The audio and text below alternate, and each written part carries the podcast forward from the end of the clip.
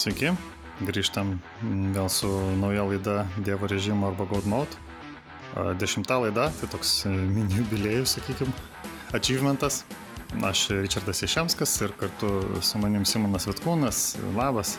Labas. E, vėl pradėsim nuo naujienų, daugiau apie užsienį ir, ir porą lietuviškų o tada dar keli žmonės e, prisijungs, e, tiesiog pakalbėsim apie, vėl apie indį žaidimus, nes e, įdomių čia jų pastaruoju metu vėl išėjo. Tai yra ką papasakot, kom pasidalinti, ką parekomenduoti.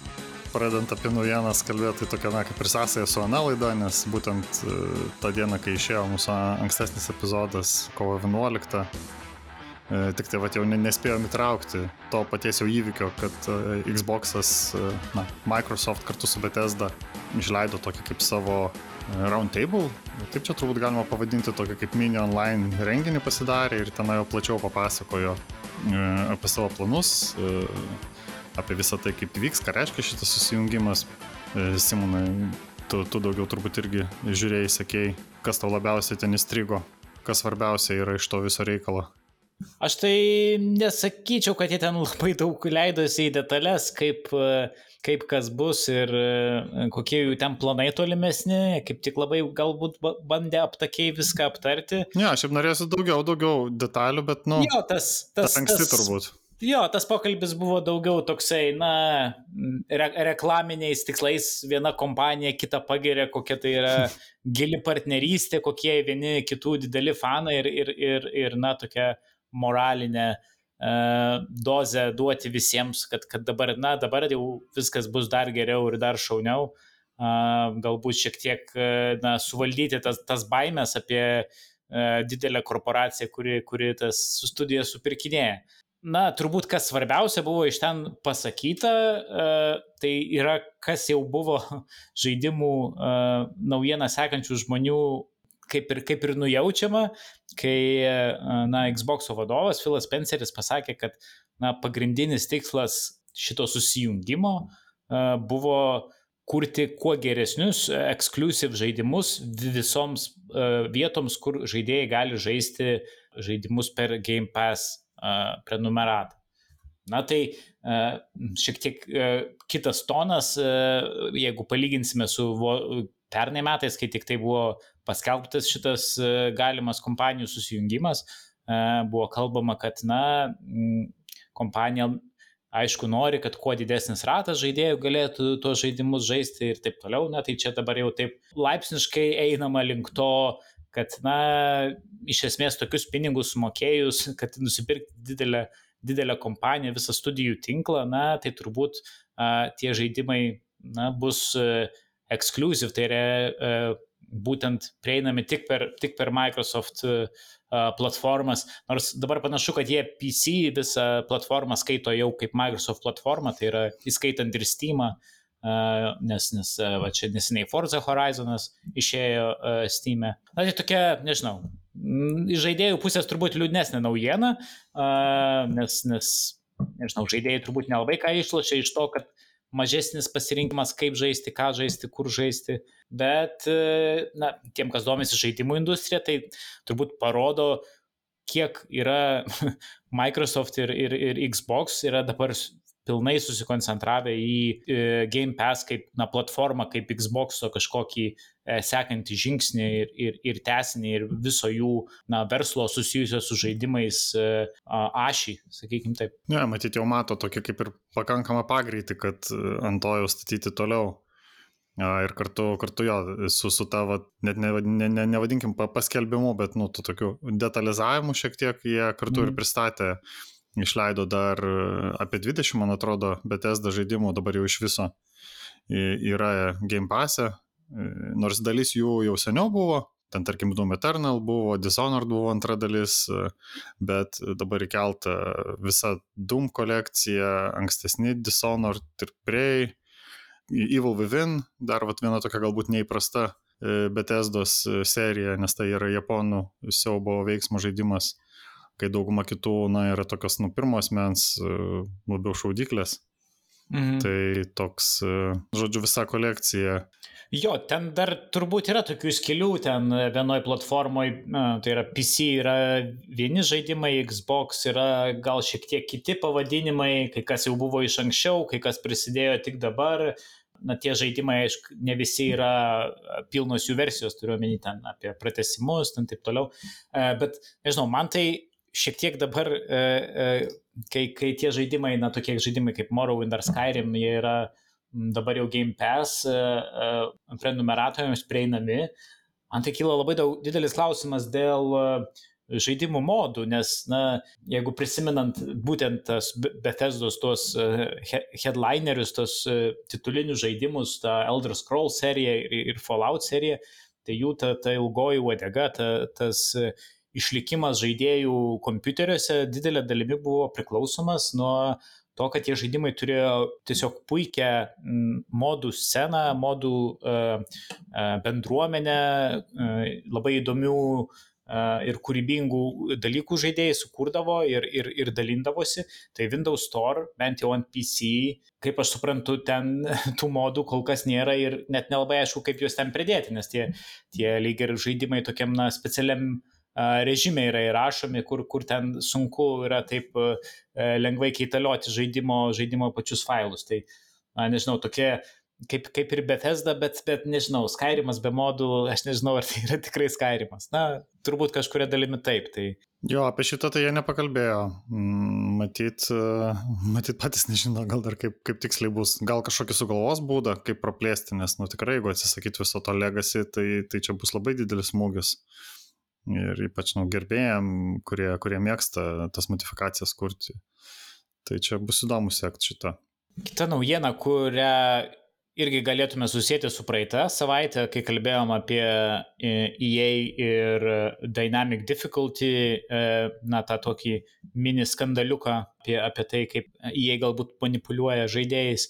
Tai uh, nauja istorija buvo uh, iškilusi apie tai, jog uh, vėlgi ta pati kompanija, tas pats žaidimas FIFA uh, ir netgi tas pats režimas FIFA Ultimate Team atsirado gandai, kad, kad uh, kažkas uh, iš EA kompanijos uh, prekiauja ypatingai brangiais, brangiomis kortelėmis šitam žaidimo režimui būtent skirtomis.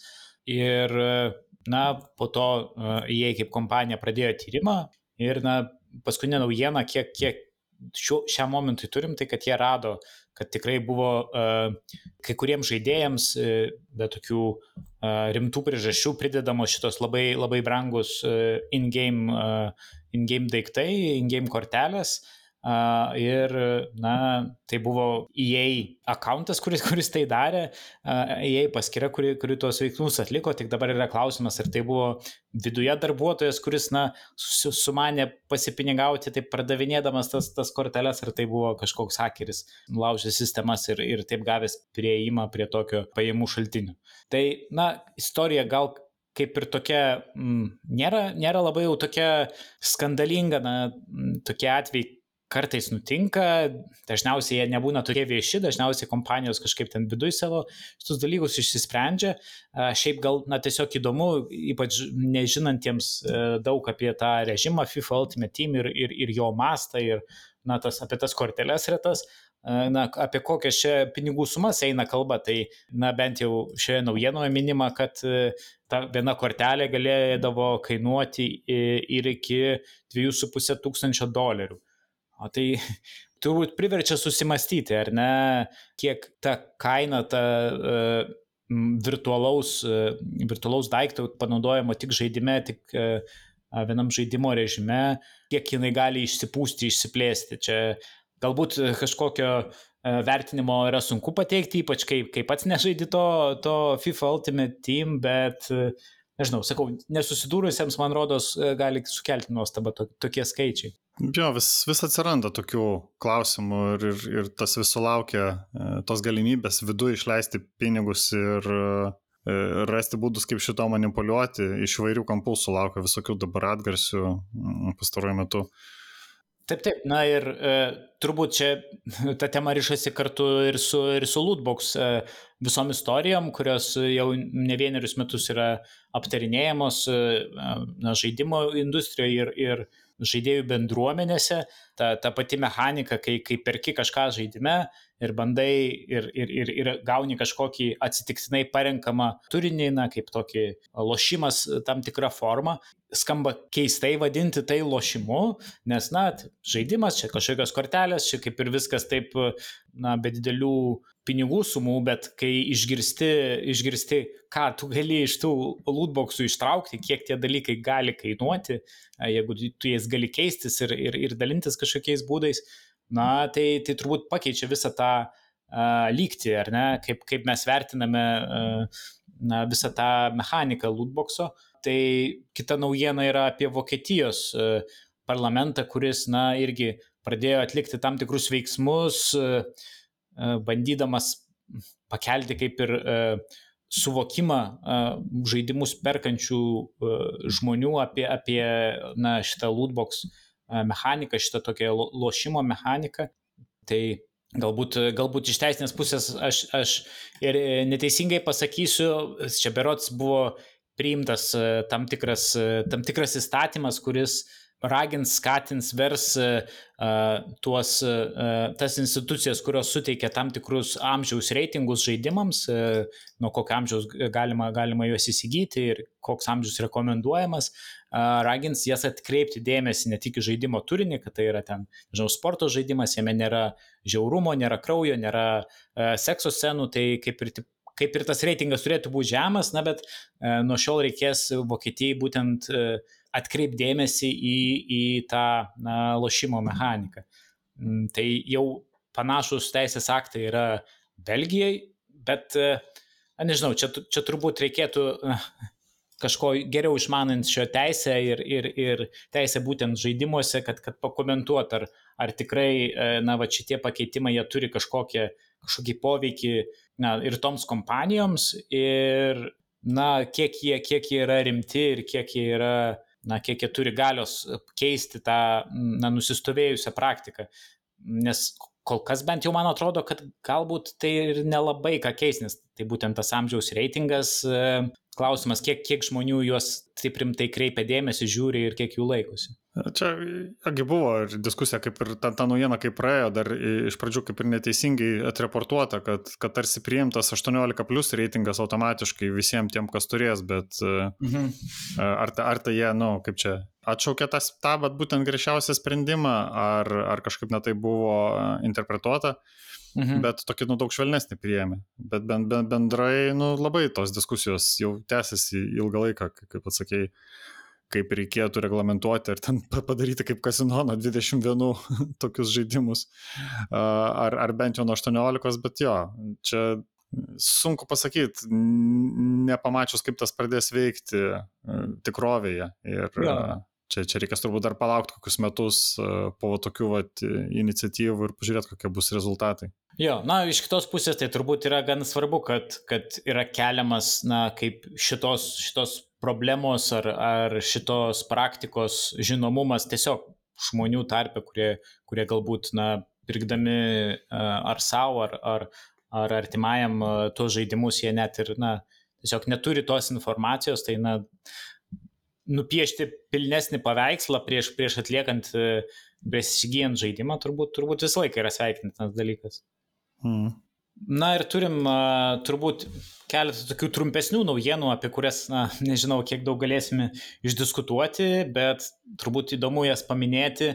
Tai viena tokia buvo apie sudegusius rast žaidimo serverius, uh, kuomet kilo didelis gaisras viename duomenų centre esančiam Prancūzijoje, būtent tame centre, kuriam buvo, na, kuriam veikė rast žaidimo berots kelių regionų netgi serveriai. Ir, na, sudegus tam duomenų centrui tiesiog nebuvo jokio uh, uh, backupo, nes nu, turbūt nu, nu, nusprendė žaidimų kuriejai, kad, kad neverta ar per brangu daryti backupus tiem žaidėjų uh, serveriams, kurie yra šiaip uh, kiekvieną mėnesį kaip ir perkraunami, iš naujo paleidžiami, tas progresas yra išvalomas. Na, bet ir dingo visas žaidėjų progresas. Na, toks gal tiesiog retesnis atvejis, kai, kai kai atrodo, na, debesyje ir, ir, ir serveriai ir viskas online, tai, tai na, viskas amžina saugu ir, ir čia, čia ne koks uh, save filas ant kompiuterio, kur iškepus uh, hard drive jisai dinksta, na, bet kartais iškepa, iškepa ir visas duomenų centras ir dinksta, dinksta žaidimai tokiu būdu. Ja, ir čia keista, kad, nu, tai ne šiaip kažkokia nedidelė ten įmonė, o OVP, kur, nu, tikrai, nu, gerai, ne Amazono dydžio, bet, mhm. nu, labai e, tokia milžiniška ir speciali, besispecializuojanti jau daug metų šitose paslaugose. Bet, va, įdomu, kaip, kaip jie patys taip, nu, neapsisaugojo Čia pas mus mhm. kiek buvo to skandalo dėl tų registrų centro serverių, e, net ir pačios didžiausios kompanijos, reiškia, neapsaugotos. Tai, tai klausimas, nu, ar vad klaudas yra, žinai, atsakymas į viską, bet čia siejant su kita irgi naujiena. Ar, ar, tikrai, ar tikrai klaudai mums viską išspręs, visas problemas gyvenime? Mm. Jo, jo, tai kita naujiena yra apie cloud gaming servisą, uh, kuris uh, vadinasi Shadow ir kompanija, kuri, uh, na, tą servisą pardavinėja, teikia, jinai bent jau vienam iš savo padalinių, jinai uh, na, pateikė dokumentus dėl, dėl bankroto, tai ta, tas servisas dar ne visiškai užsidaro, bet, bet jau, na, kaip ir akivaizdu tampa, kad ten rimti finansiniai sunkumai ir, ir viskas klojasi ne taip, kaip, kaip turbūt tikėjosi. Tai ta kompanija Shadow, jinai įdomi buvo tuo, kad priešingai negu, tarkim, GeForce Now ar, ar, ar, ar Stadia, jinai leido, leisdavo žaidėjams, na, kaip nuomotis atskirą na, virtualų, virtualią mašiną, virtualų kompiuterį cloud'e, kuriame jie galėdavo, na, leisti tai, tai, ką patys nori, nebūdavo kažkokių apribojimų, licenzijų papildomų ir, ir visokių tokių dalykų, ką turėjo stadija, kur reikėjo atskirai žaidimus pirkti, arba GeForce Now, kur na, kai kurie žaidimai nepatekdavo į tą, į tą programą, juos išimdavo, nors ten irgi viskas vykdavo kaip ir, kaip ir per Steam accountą, tik tai su žaidimais, kuriuos pats turi, tai Shadow buvo, na, ta prasme, toks labai, labai atviras ir, ir toksai gal technologiškai sudėtingesnis, bet e, daug galimybių atveriantis sprendimas. Na ir problemos tai kaip ir neišsprendė, kaip ir, kaip ir stadija to populiarumo labai didelio nesulaukė ir GeForce Now, na jisai gyvuoja, bet e, na, irgi apie jį netiek daug nuo šio girdime, girdime naujienų ir, ir, ir pati Nvidia atrodo jį netaip smarkiai stumė į priekį, na taip ir Shadow iš tos pirmosios bangos tų, tų cloud gaming platformų panašu, kad irgi, irgi turbūt bus e, ilgainiui užmirštas, išsivers galbūt į kažkokį kitą produktą arba a, kitą modelį. Teko man kažkuriam renginį susidurti, vat, su būtent su to šedu, čia dar seniau m, pasakoju apie jį ir nu, idėja tikrai atrodo labai įdomi ir, ir asmeniškai, nu, net, ir aš pasibandyčiau galbūt tokį karts nuo karto, ten siejant, pavyzdžiui, su kokiu, žinai, ten galingesnių žaidimų, kuriam ten reikia ten, nežinau, ale Cyberpunk, sakykime. Jeigu neturi, neturi galingo kompo, pat pasiemi ten mėnesių dviem, pažaidai mhm. ir, ir palieki. Bet e, jau tada atrodė, kad nu, iš to daryti startupą ir rinktis pinigų kaip startupui, nu, tai pražutinga taip atrodė, nes mhm. čia yra milžiniškos, milžiniškos išlaidos, milžiniški kaštai, kiek ten buvo prašyta, ar ten už 30 milijonų skolos susidarė už serverius mhm. ar už kiek labai čia sudėtingas e, dalykas ir tik tai, vat, nu, štai nestebina, kad tik pačios didžiausios, e, tos, kurios turi kitų tikslų, antrinių tikslų, e, Taip. tos turi, tos vat, kaž, kažkaip dar gyvena. Per sudėtinga idėja, kad ją, kad iš jos daryti startupą. Kalbant, kalbant apie mm, didelės kompanijas, kurios turi daug pinigų, uh, tai Minėjom praeitoj laidoj Roblox ir, ir jų tą tokį akcijų, akcijų leidimą. Tai, na, tuo metu dar nežinojom, kaip, kaip ten viskas pasibaigs, kokia, kokia bus tos įmonės vertė, bet, na, tai po, po praėjusios savaitės panašu, kad akcijų, akcijų leidimas, kuris iš tikrųjų, kiek aš paskaičiau, net nebuvo IPO, tai vadinasi, buvo toks direct listingas, kur nežinau, čia akcijų, akcijų žinovams gal e, reikėtų, reikėtų paprašyti paaiškinti, kuo, kuo, kuo tas tie dalykai skiriasi, bet e, tai jisai pasisekė labai, e, labai gerai ir, ir na, kompanijos vertė berots viršė 30, 30 milijardų ir na, tai palyginimui tai kompanija kūrinti Roblox pagal, pagal na, tą vertinimą tokį, jinai dabar būtų tokio dydžio kaip e, maždaug Electronic Arts, ne? nebūtų, na, ant, ant popieriaus jinai tokia ir yra dabar. Uh, tai, na, didesnė, didesnė už Ubisoft, didesnė už daugelį kitų studijų. Tai, na, turbūt sveikinimai, sveikinimai visiems, kas ten su, su tais, su ta kompanija susiję, kas, kas ją įkūrė, tai, tai jau naujieji milijardieriai, bet aš tai prisiminčiau čia kitą dalyką, kai prieš, prieš eilę metų Microsoft nusipirko Minecraft e, e, studiją, studiją, kuri kūrė tik tai Minecraft, jokių kitų žaidimų ir sumokėjo už ją 2,5 milijardo e, dolerių. Ir ta, tuo metu tai atrodė kaip na, beprotiškai didelė pinigų suma už žaidimą Minecraft kokia ateitisgi to žaidimo, čia greit visi pamirš ir, ir, ir, ir na, čia jau vakar dienos naujienos. Tai na, šitų naujienų fone atrodo, kad Minecraft galėjo būti ir dešimt kartų brangesnis turbūt ir, ir tai vis tiek būtų buvęs geras pirkinys Microsoft. Jo, nustebina šitie dalykai, sakau, kad kaip ir kalbėjom, kad nu tiesiogiai, kai tu su tais e, nesi susijęs ir neseki to, mm. tos, tos rinkos, e, tos platformos ir tų žaidimų, tai atrodo labai keista. Bet, nu, čia turbūt mato, numato to tą ateities potencialą. Mm. Kaip ir buvo palyginimas, kad, nu, su, su jai lygina pagal, pagal vertę bendrą, nors jai ten pajamos yra kelis kartus didesnės. Mm. Tai tarsi tikisi, tikisi tie, kas investavo į tas akcijas, kas pirko akcijas, kad, na, kažkaip labai stipriai čia auks. Gal ir yra mhm. potencialas to, nes nu, čia, čia kaip nėra, čia net ne, ne, nebegalima to vadinti kaip žaidimu, čia yra tiesiog kaip, kaip platforma kurioje kiti jau kūrė žaidimus ir, ir uždirba. Tai kaip, kaip store, kaip kažkoks tai, nežinau, Steamas, nu, ne, ne tai, kad Steamas, net nežinau, su ko čia palyginti iš tikrųjų. Mhm. Nu, gerai, Tačiau, tas, tas Minecraftas taip, jis tai yra. turi irgi galimybę kurti žaidimus, bet tai ant to nėra pastatytas verslo modelis. Mhm. O, o būtent pas juos pastatytas ant to verslo modelis, kad žmonės kūrė žaidimus su jų tais įrankiais tos robloksinius žaidimus ir, ir uždirba ir pati sistema iš to uždirba, nes, nu, perka, perka viduje mm. tuos va, žaidimus ir visokius ten turbūt kitokius dalykus. Jo, tai aš tai nebent pridėčiau tai, kad, kad e, na, ta, ta, kaip sakei, kad sunku įvertinti ar ne, e, sunku suprasti, kaip, kaip tas rollblocksas gali būti toks didelis, tai turbūt panašiai kaip ir su, na, mūsų šiandien minėtu jau to Ultimate Team. Tai irgi, kol uh, kol nesisuki, kol e, nedalyvauji tose, tose bendruomenės, nesikalbi su žmonėm, kurie tai žaidžia, tai labai sunku yra tam tą mastelį pamatyti, tą, na, tą įsitraukimą žmonių suprasti ir, ir, ir tą kiekį pamatuoti.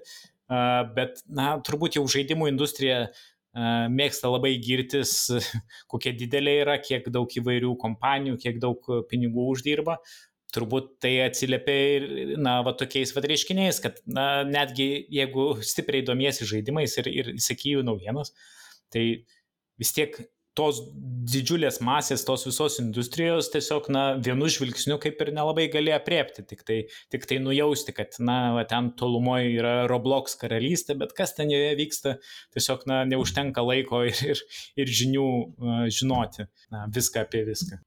Turbūt pabaigai tokia uh, linksmesnė naujiena, apie kurią gal nedaug turėsim ką pasakyti, bet Blizzard įdėjo eilę įvairių skelbimų į įvairias pozicijas, kurti naują projektą.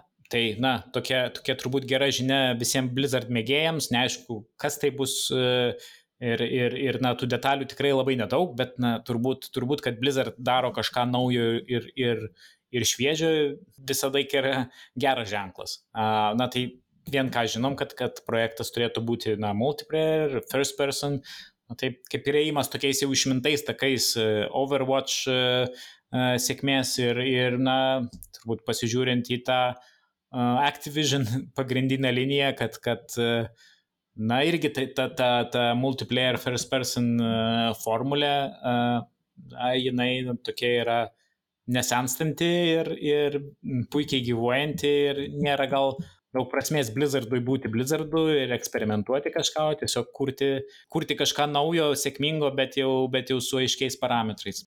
Jo, labai įdomu, čia bus, kokia čia bus kryptis, e, ar, ar bus e, labiau artimesnis e, Overwatch'ui, ar bus labiau artimesnis Call of Duty, ar, ar kažką mhm. dar sugalvos, ko dar iki šiol nėra išnaudota tame formate, nes, nu, atrodo, nu, tiek, tiek daug tų žaidimų yra net ir tų tokių didelių multiplayerinių, mhm. bet e, ar, ar jie kažkokią tai savo visatoj, bet kaip suprantu, čia bus naujas IP, jie bent jau taip Lygiai, leidžia na, suprasti. kol kas, kol kas nelabai yra aišku, bet, bet lyg ir turėtų būti naujas IP. Nežinau, jeigu taip grinai spekuliuojant, tai aš sakyčiau, na, po išsiskirimo su Bungie, Activision Blizzard neturi tokio uh, looter shooterio rimto savo, savo portfelyje, na, tai galbūt bus uh, pakinkyta šitą naują komandą kurti kažką būtent, na, tą kryptimį. Uh, nu, ale Destiny, ne kažkas tokio. Jo, Blizzardo Destiny. Visai, ko gero, tikėtina. Tai toliau dar porą lietuviškų naujienų. Per daug čia nieko nespėjo įvykti, bet e, toks pasirodė įdomi iš ankstinio užsakymo naujiena vienam žaidimui lietuviškam pavadinimu Card Hawk. Uh, jisai yra pasiekiamas šiuo metu kaip Early Access Steam. E. Tai toks yra Dungeon Crawler vadinamas kortų žaidimas.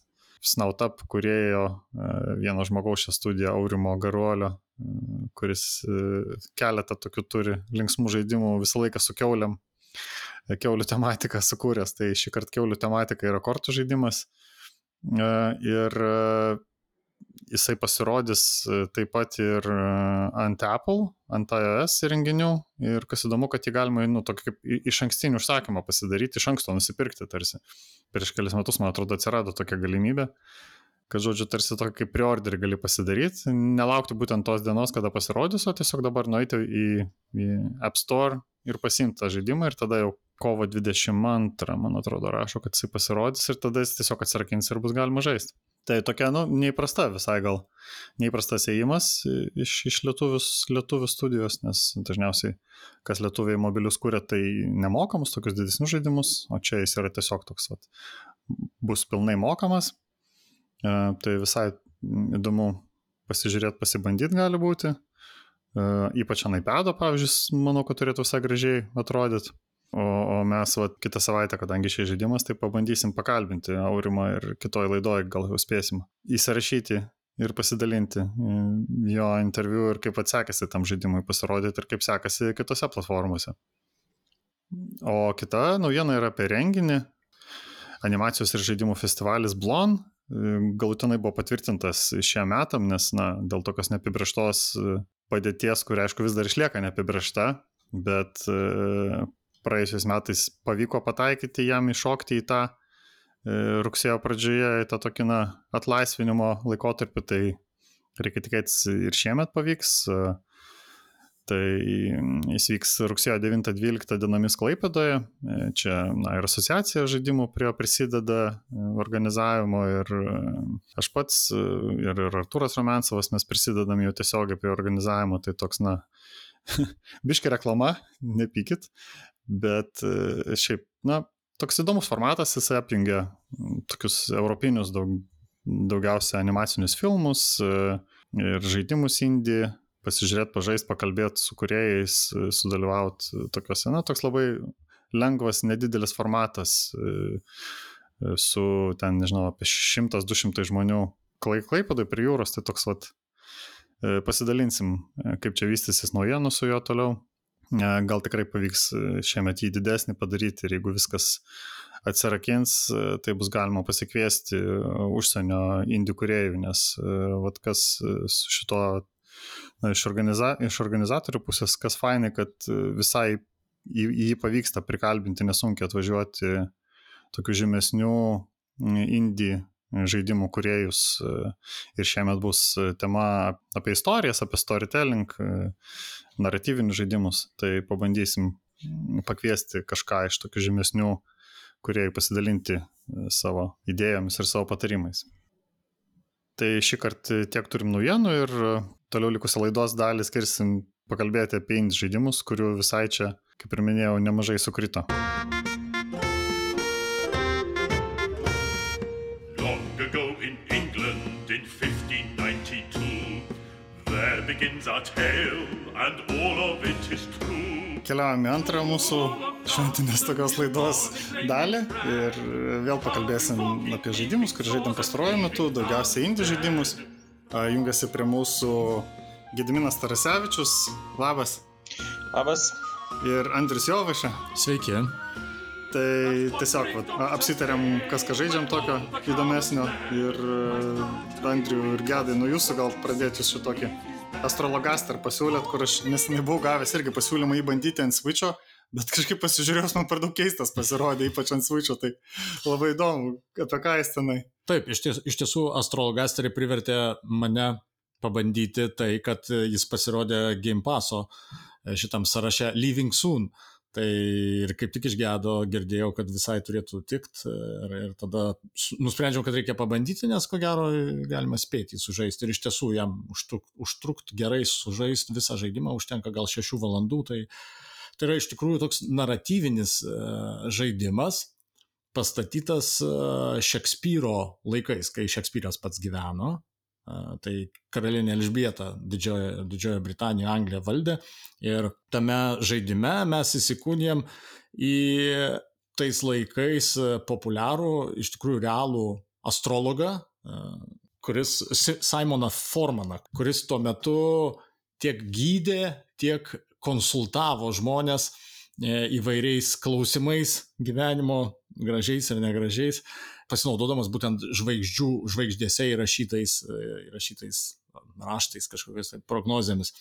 E, pats žaidimas yra, yra grinai naratyvinis, jisai yra tarsi uh, jeigu taip žiūrint į tą pati grafiką, primena kaip e, atlenkiama, to, to, kaip būna tos knygos trimatės, tokios, kur tu atverti atvartą ir, ir iššoka kažkoks iškirptas. Kaip pasakos laikas. Jo, jo, kaip atsimenu, pilaitė kokia nors. To tą katiną turėjau. Taip, taip, taip, taip, taip, bet tai šitaip būtent tu visam žaidime beveik tą ir darai, tiesiog verti tokias puslapį po puslapio ir pas tą Simoną Formaną vis ateina įvairūs skirtingi žmonės pasitarti dėl lygų, dėl, dėl svarbių sprendimų. E, ir atrodytų viskas čia labai taip paprasta ir, ir net nieko įdomaus neturėtų būti, bet e, viską papuošia superinis humoras, kuris yra įsodintas iš tikrųjų ir į realius istorinius faktus, nes dalis šitų personažų, kurie apsilanko pas jį, yra tikrai realios istorinės asmenybės ir, ir visi tie įvykiai, kurie tame žaidime yra paliečiami, kai pradedi žiūrėti Wikipediją, skaitytis apie tai, tada suvoki daug giliau visus tuos ironiškus e, bairius, kurios, e, kurie, kurie vyksta dialogų metu tarp šitų, tarp astrologasterio, to vat, būtent Simono Formano ir, ir jų. Ir dar vienas labai superinis dalykas, tai turbūt ir ypač estetinė ta pusė papuošiantis, tai yra uh, polifoninio madrigalo formą išpildyti intro, pristatantis kiekvieną tą svečią pas astrologą. Iš tikrųjų, tai yra polifoninis madrigalas, nu tai tu prasme turbūt esat gal girdėję, nors kai būna rodoma anglikonų bažnyčioje, kai ten dainuoja kažkokius tai ta, tokius, kaip, tokius ketureilius galbūt ar ten ilgesnės formos uh, poeziją. Ir čia ta poezija yra tokia kandi ganėtinai pristatanti tos tikruosius motyvus šitų, šitų svečių. Uh, ir, ir šiek tiek jos pašėpinti. Ir žaidžiant, pirmas dalykas tai jo, tai iš tikrųjų, jeigu jis yra turbūt taip, negalima jo rekomenduoti žmogui, kuris, tarkim, nesidomėjęs yra to laikmečio Anglija ir istorijos, šiaip istorijos nemėgsta. Čia iš tikrųjų aš jį netgi, kai aš pagalvojau, tai E, turbūt rekomenduočiau kokiem nors filologams, humanitarams, prasme, būtent žmonėms, kurie jau yra pasiknisę šitoje srityje, ta prasme, šiek tiek daugiau žino ir tada jisai atsiskleidžia. Jis savotiškai šiek tiek man priminė, priminė tokį serialą su Rovano Atkinsonu, Blackadderis vadinasi. Tai čia grinai yra Blackadderio principas, kur yra tiesiog e, statomas kažkoks tarsi pusiau išgalvotas personažas, kuris e, sukasi istoriniuose įvykiuose, kurie yra mums visiems pažįstami ir savotiškai sukuria tą tokį ironišką, sarkastišką e, humoro šypseną netgi ir juoką kartais. Tai kas tau gedai, pavyzdžiui, šitam žaidime? užkabinai. Ja, tai labai daug, labai daug užkabinai kampų. Man irgi ta patirtis tokia įdomi buvo, nes aš ėjau į žaidimą visiškai be kažkokių tai didelių lūkesčių kas labiausiai žavėjo būtent tas e, pop-out books formatas, nes man buvo įdomu pasižiūrėti būtent iš, iš techninių sprendimų, nes tai e, visos animacijos, visa grafika ganėtinai yra paprasta, bet e, ta medinis, medinis leadershipas, na, meno vadovas šito žaidimo labai iš tikrųjų turimais resursais labai gerai žongliravo ir rezultate mes turėjom tą tokį visišką kompleksinį uh, E, kompleksinį kūrinį, patirtį, aš netgi pavadinčiau, kuri, kur galiausiai tu nelabai galbūt kreipi dėmesį į tam tikrus pasirinkimus, bet viskas tai kažkaip tai veikia sumoje ir be abejo aš išskirčiau ne tik e, tos e, choro interpus, kurie, aš gal papildyčiau, galbūt ne tik, kad pristato personažus, bet kartu ir tai yra labiau kaip tokia, toks naratyvinis interpas, kas žaidime vyksta. Tai dažniausiai tai būna, nes tu iš esmės eini iš vienos, na, iš vienos temos į kitą temą ir tas interpas apjungia tas dvi dalis. Tai yra tai, kas įvyko ką tik ir tai, kas, ko galima tikėtis galbūt na, kitame tokia kaip, kaip skyriuje, jeigu taip galima pavadinti, ta, tas žaidimo dalis. Ir e, kalbant apie patį žaidimą, tai man, aš galbūt norėčiau oponuoti, kad tai susidomėjusiems tik tai istorija būtų įdomu, E, nes pas mane galbūt buvo atvirkštinis dalykas, nes aš ėjau kaip į fiktyvų žaidimą, kaip į fikciją kažkokią, tai ir paskui, kai jau žaidime pradėjo atsirasti personažai, kuriuos e, tu žinai iš realaus gyvenimo, kaip pavyzdžiui Šekspyras, e, tada tu jau pradedi galvoti, mm, kiek čia yra realybės šitame ir mhm. tada jau išeini iš žaidimo, eini į Wikipedijas ir giliniesi į kitus personažus, kurie yra žaidime ir ta fikcija tampa jau visiškai nebe fikcija. Tai tai tikriausiai artima, ką tu paminėjai, artima Blackadderio humorui, bet e, tai galbūt net, na, man atrodo, netgi artimiau galbūt realybei, nes, nes pats personažas jisai istorinis ir jisai yra labai toks, na, kontroversiškas e, to mhm. laikotarpio personažas, nes ir pačiame žaidime tu tą, tą rolę visiškai pajauti, nes tu kaip ir tai yra laikotarpis, kai medicina yra ant fikcijos ir mokslo ribos ir, ir tas pagrindinis personažas, kuriam, kuris ir esi tame žaidime, e, yra astrologas, kuris nori tapti būtent oficialiu gydytoju, medikui to laikotarpio ir dėl tam tikrų priežasčių jis net neturi licenzijos ir žaidimo tikslas pagrindinis yra gauti tą licenciją ir tapti oficialiu gydytoju. Tai kelias į šitą yra būtent per bandymą padėti licenzijuotais gydytojais e, nusivylusiais e, didikais arba veikėjais e, karalystės tuo metu na, žymiais mm. ir pasinaudoti jų pagalba jiems per žvaigždės, per kažkokius tai galbūt papročius, kažkokias išvalgas ar ten liaudės, pavadinkim, mediciną, padėti jiem įveikti jų problemas ir kartu gauti palankumą, gauti atsiliepimus ir galiausiai gauti tą mediko, mediko licenciją. Jo, aš čia savotiškai norėčiau jau įsikišti šiek tiek, kad iš tikrųjų taip, teisingai labai šitą tu pastebėjai, nes iš tikrųjų tas va, žaidimas ta, leidžia empatizuoti ir šiek tiek suvokti tai, tuo laikmečiu e, mokslo, kurį mes šiandien suvokiame kaip mokslą, va tą tikrąjį mokslo gimimą, nes jis gimė kaip chemija ir fizika, gimė iš alchemijos, E, tai ta prasme, taip pat ir šita vat, medicina, jinai gimsta iš tos, iš tos, nes tu kai Simono to Formano tas prognozijas žiūri, tai ten iš tikrųjų tu matai, kad kai kur jisai visai ir pataiko į teisingus dalykus, ten kokie inkstų akmenys, bet kai kur visiškus grybus pasakoja. Ir, prasme, ir, ir dar vienas empatiškas kampas buvo tas e, suvokimas, kai Nes žaidimas iš tikrųjų tave taip įmeta ir tu kartais tiesiog nesupranti, kodėl aš turėčiau šitą rinktis ar šitą rinktis, nes absoliučiai nėra aiškios sąsajos tarp to, kokią tu užduotį dabar gavai, nu, ko, ko klausia pacientas ar tas, kuris atėjo konsultuotis ir tą, ką tau tos žvaigždės rodo. Bet aišku, su kiekvienu to paciento grįžimu tu vis geriau žinai jo istoriją ir vis geriau e, žinai, ką žvaigždės tau pasakė, nes žvaigždės beveik visą laiką sako kažkokius tai blėnis. Ir čia va tas tos, e, toks empatinis didelis įsikūnymas į, į burtininko arba, arba astrologo kailį.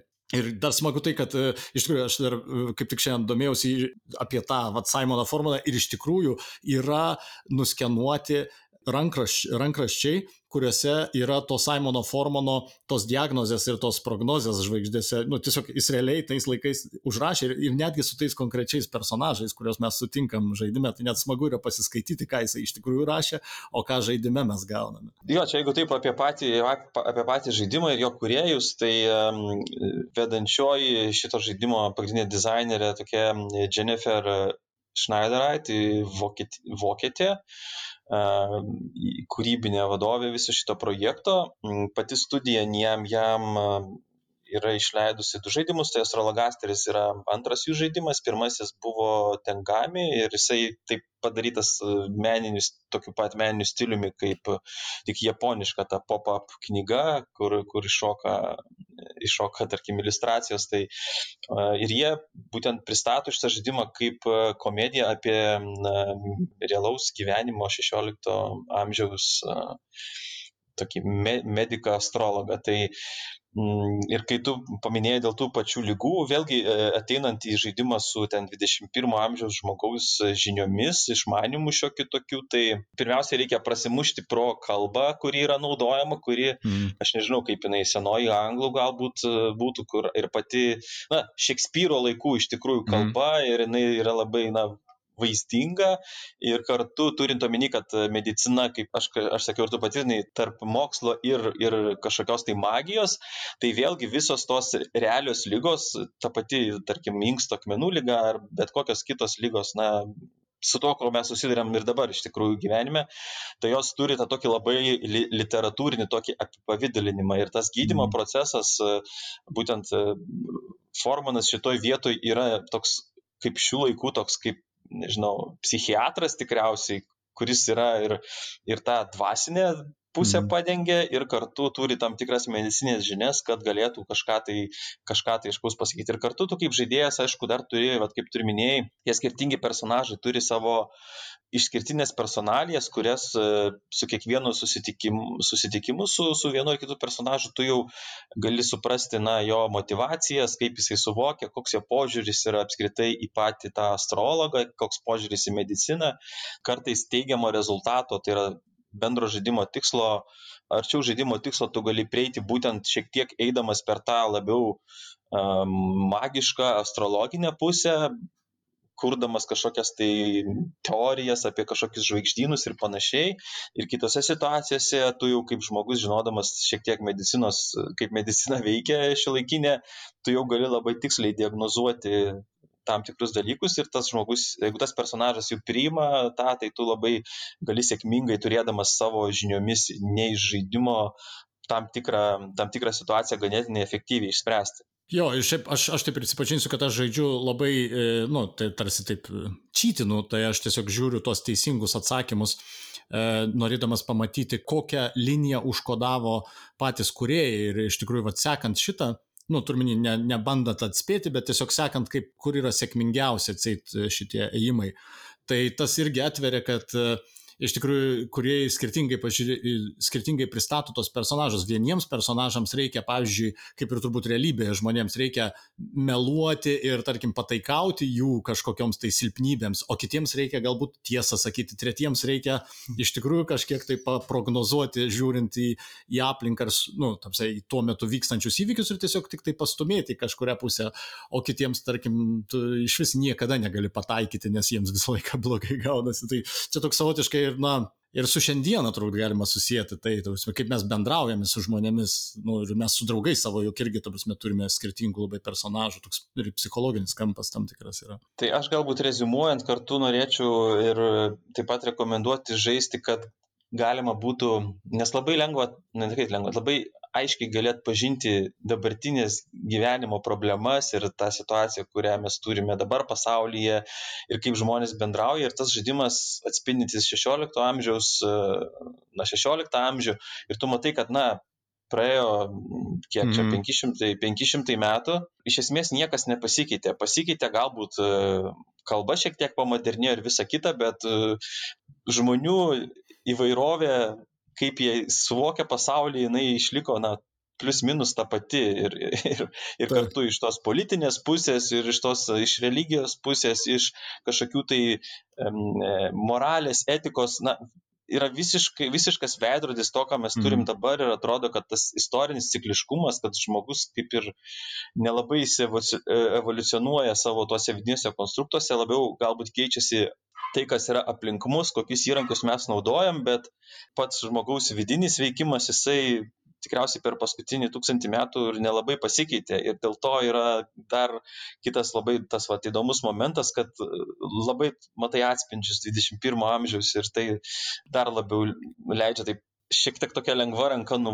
numoti apie dabartinės problemas, kai tu supranti, kad nu, tos problemos visą laiką buvo, jos visą laiką buvo tos pačios, jos kartojasi per kartas ir, ir, ir kartosis dar toli į ateitį ir tada tu gali šiek tiek na, nusiraminti tą realybę, kurią tu turi dabar. Tai va, tokia, toks mano rezumė. Nes kiekviena karta gyvena pačiais moderniausiais laikais. O taip, o taip.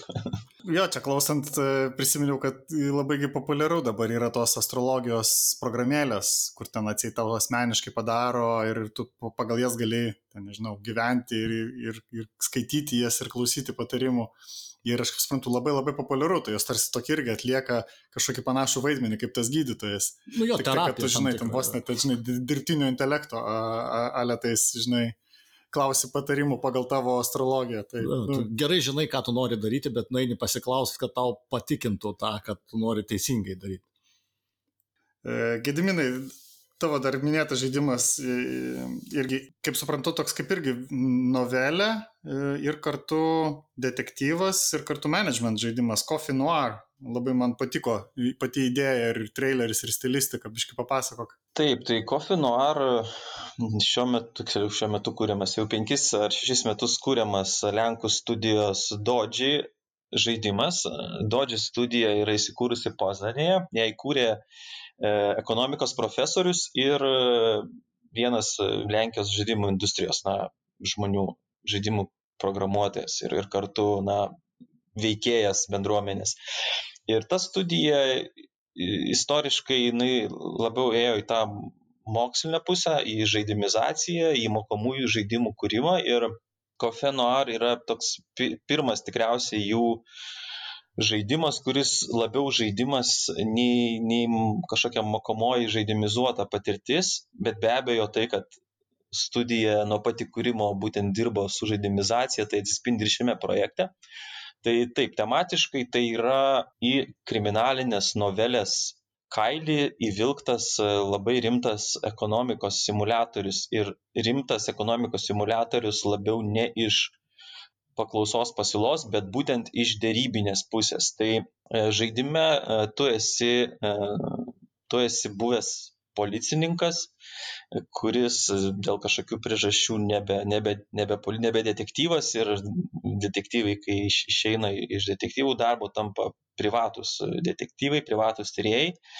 Ir jo užduotis yra ištirti vienos kavos industrijos magnato žmonos mirtį ir kartu jo dingimą. Ir jis šitame šitoje schemoje padeda e, būtent e, tos šeimos dukrai, kuri ir vadovauja, perimusi yra kavos verslą. O tam, kad suprasti pačią laikotarpio dvasę, tai galima sakyti, kad yra alt retro futuristinis žaidimas, dėl to, kad veiksmas vyksta 21, 21 amžiuje, atsiprašau, 20, 2021 metais. Nu, tai futuristinis ar nefuturistinis čia gali būti, galima svarsyti apie tai, bet kalbant apie retro, tai žaidimas tematiškai tiek per savo meninį stilių, kuris Art Deco, tarpukario, JAV tikriausiai Amerika ir, ir Art Deco kaip meninis stilius to laikotarpio dominuojantis ir tiek visos aplinkos atitinka, bet veiksmas vyksta Londone ir alt šitoj daly, kad jie naudoja kavą kaip E, esminį tokį kaip resursą, nes visas įeinant į, į žaidimą pristatinėjama, kad na, kava užkariavo pasaulį, e, žmonės tapo priklausomi nuo kavos, visas gyvenimas sukasi tik apie kavą ir aišku, tai iliustruojama, skraido didžiuliai dirižabliai su kavos, e, kavos šitais brandų, brandų, kuris ten užrašytas Coca-Cola šriftu, gatvėse stovi tie tokie afišos apklijuotos visokiausiais kavos plakatais ir ten pasakojama, kaip visi naudoja kavą visais įmanomais būdais, deda į visą maistą. Ta prasme, kava yra kaip ir tokia kaip ambrozija ir, ir, ir galingiausiai žmonės yra tie kavos pramonininkai. Čia galbūt šiek tiek vai, vaibo su nafta, galbūt, mhm. nežinau. Tai tu esi įvedamas į tą istoriją, tu turi spręsti iš esmės nusikaltimą, bet šitoje vietoje žaidimas manęs šiek tiek galbūt neįtikina, kaip jie bando tai vilkti, bet su laiku šiek tiek supranti. Tai mintis yra ta, kad tu, kad išspręstum šitą nusikaltimą, e, tau reikia įsitrinti į visą kavos verslą, suprasti, nes dingęs, e, dingęs magnatas, jisai, na, jisai turėjo didžiausią kavos imperiją pasaulyje, tai reiškia su šito su, su nusikaltimu gali būti susiję, susiję, susijusi būtent šitą industriją ir jos, joje veikiantis žmonės. Tai tu turi, kaip apsimesdamas e, kavos pardavėjų, tu turi sukurti tokį fiktyvų verslą, kuris iš esmės veikia ir per tą verslą tu įeisi į tą industriją ir tu išsiaiškinsi, kasgi atsitiko su šituo, su šituo industrialistu ir kas nutiko jo šeimai. Na, toks įdomus pritempimas, nežinau, ar labai gerai jisai veikia.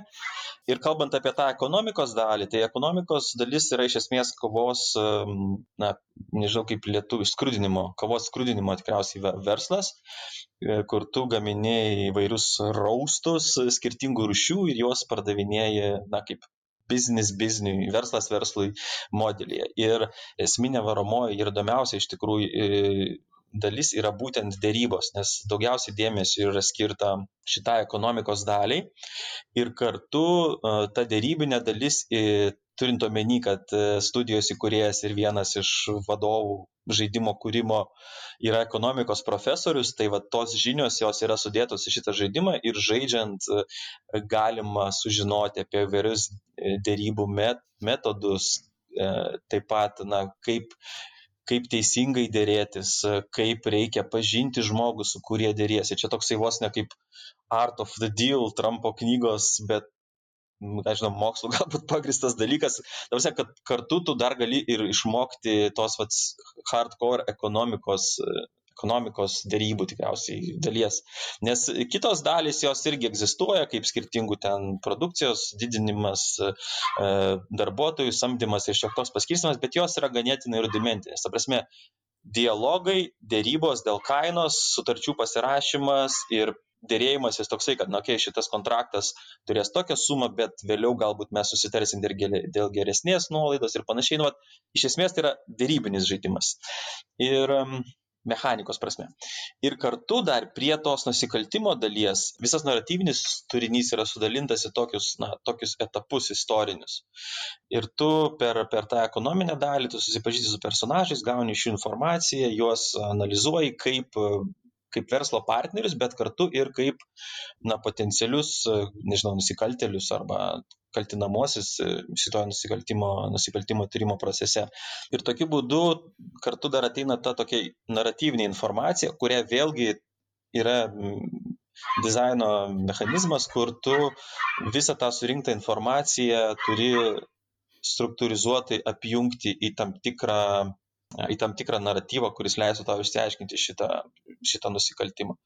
Tai, tai, vat, tai tokios galbūt iš inovatyvios pusės yra tos dvi dalis. Tai yra dėrybinė dalis ir ta nusikaltimo tyrimo dalis, kur tau reikia naudojantis tekstinę informaciją, e, keywordsais, kurie yra tam tikros informacijos blokose, juos kažkokiu būdu apjungti į į kažkokią informacijos junginį, kuris leistų pasidaryti išvadas, kas įvyko šitoje naratyviniai daly. Mhm, nuskamba jo labai taip įdomiai. O klausyk, aš dabar žiūriu, tu jį peržaidai kažkaip visą, nes... Ne, žaidimas šiuo metu yra, yra prieinama demo Steam, e, tai visi norintys gali pažaisti demo. Demo leidžia sudalyvauti trijose dėrybose, ir šiek tiek pajudėti istoriją į priekį. E, Kuriejai planuoja, kad pirmą ketvirtį šitas žaidimas turėtų išeiti ir pagal demo būklę atrodo, kad tai yra ganėtinai realu. E, be abejo, iš tos, na jau, jeigu kabinėtis, tai šiek tiek, na, rašymas galbūt toks šiek tiek medinis, jeigu taip galima pasakyti, e, įgarsinimas atrodo irgi, na, visi, visi tekstai yra įgarsinti aktorių tikriausiai, nors kartais man atrodė, kad galbūt jie naudojo labai protingą dirbtinį, dirbtinį balsą. E, tai vat, iš voice actingo tai nėra pats stipriausias žaidimas, kas pavyzdžiui su astrologasteriu tai buvo nu fantastiškai viskas. Ta prasme, visas garso dizainas, visi voice aktoriai, visi chorai buvo išpildyta labai aukštame lygyje, čiagi šito nėra ir e, netgi žaidžiant demo jau po kažkurios tai dalies jau nebesinori iš tikrųjų klausytis voice actingo, nes jis, nes jis nu, nieko labai per daug neprideda žaidimui. Tai va. Bet vis tiek, kaip tik, tik iš demo tiek daug jau galima papasakoti apie žaidimą, tai visai, reiškia, nu, ne, neblogai padaryta ir daug nuo to turinio visai yra. Ar aš čia teisingai tai aš, suprantu? aš kaip ir sakau, na, žaidimas kūriamas nuo jau šeštus metus. Aš dar žiūrėjau, e, tarp kuriejų yra ten lietuviškų pavardžių, bet paskui išsiaiškinau, kad ten tiesiog e, Lenkai, lietu, le, Lenkas e, dailininkas lietuvišką pavardę, kuris iliustracijas piešia komiksus šitam žaidimui. Špunska arba Seinų. Gali būti. Dabar jisai be CD projekte dirba, man atrodo. Ta prasme, jis dirbo pačioj pradžioj projekto, dabar jau nebedirba. Tai, tai, vat, tai, tai taip atrodo, kad šis žaidimas yra link, link pabaigos, sakau, jisai turi tam tikrų, tam tikrų kabliukų, bet tai yra šis, šis tas įdomaus, kalbant apie vat, tokio tipo žaidimus, vien, kas man patinka, vien dėl tos mokomosios dalies, dėl, dėl dėrybų būtent meno, ir galbūt netgi dėl dėrybų mokslo ir, ir kartu ekonomikos mokslo iš tos va, dėrybinės pusės, tai manau, kam jau labai ten, nesik, nesakau, temos nelabai klyjuojasi, taip, sakau, šiek tiek pritemta, bet vien dėl tam tikrų kitų dalykų tikrai verta pabandyti ir demo leidžia nemokamai pasižiūrėti, ar tai, ar tai jūsų, jūsų skonio projektas ir tada jau laukti jo išeimo ir galiausiai išsiaiškinti, kas per, kas per nusikaltimo, kokie, kokie buvo motyvai ir kas galiausiai yra kaltas. Nu labai tikrai įdomiai skamba. Dar vienas, e, irgi kaip, kaip kalbėjom, kiek keliese, kiek keli žmonės e, spėjot, man atrodo, išbandyti e, Gediminą ir tu Simonai Loop Hero, irgi dar Early Access, kaip suprantu, žaidimas, bet irgi toks labai nestandartinis atrodo. Simonai, gal tu plačiau papasakok. Jo, aš uh, Loop Hero uh, šiaip jau gana, gana senai turėjau jį uh, nusižiūrėjęs, nes, nes jo leidėjas yra toks, uh, bent jau kas, kas domisi indie žaidimais, tai pagarsėjęs Devolver Digital, na, jų toksai kokybė ženklas ir kartu uh, na, žaidimo tas meninis stilius iš karto patraukia akį, aš manau, bet kam, kas, kas atsidarys, pažiūrės trailerį arba screenshotus. Bet apie patį žaidimą turbūt kalbėti yra gana sunku, nes, na, iš pradžių galbūt sunku yra paaiškinti, kaip, kas tai tiksliai per žaidimas ir kaip tiksliai jisai veikia. Na, bet pabandysiu. Tai žaidimas yra uh, apie herojų, kuris eina uh, ratais tuščiame žaidimo lauke, nes pagal žaidimo su, sužetą įvyksta kažkoks uh, apokaliptinis uh, įvykis ir, ir, ir pasaulis dinksta ne tik iš ne tik iš egzistencijos, bet a, tam tikrą prasme iš žmonių atminties, iš herojus atminties jisai nebeprisimena, kaip atrodė pasaulis, kas jisai toks ir, ir, ir panašiai. Ir eidamas šitais ratais, žaidėjas sutinka monstrus, su jais kaunasi automatiniu būdu, jokio, jokio pačio žaidėjo kontrolės tam papildomos nereikia.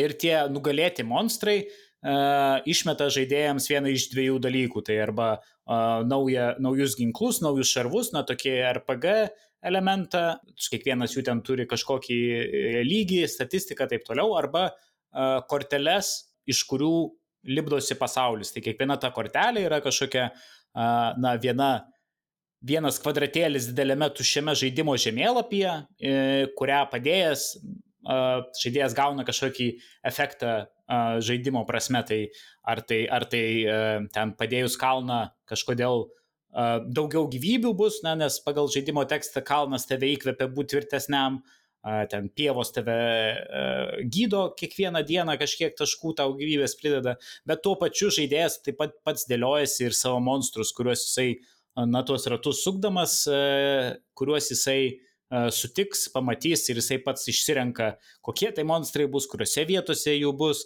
Jis gali šiek tiek kontroliuoti, kiek jų bus ir, ir, ir kokie galbūt monstrai kartu viename, viename mūšyje prieš jį dalyvaus ir taip toliau.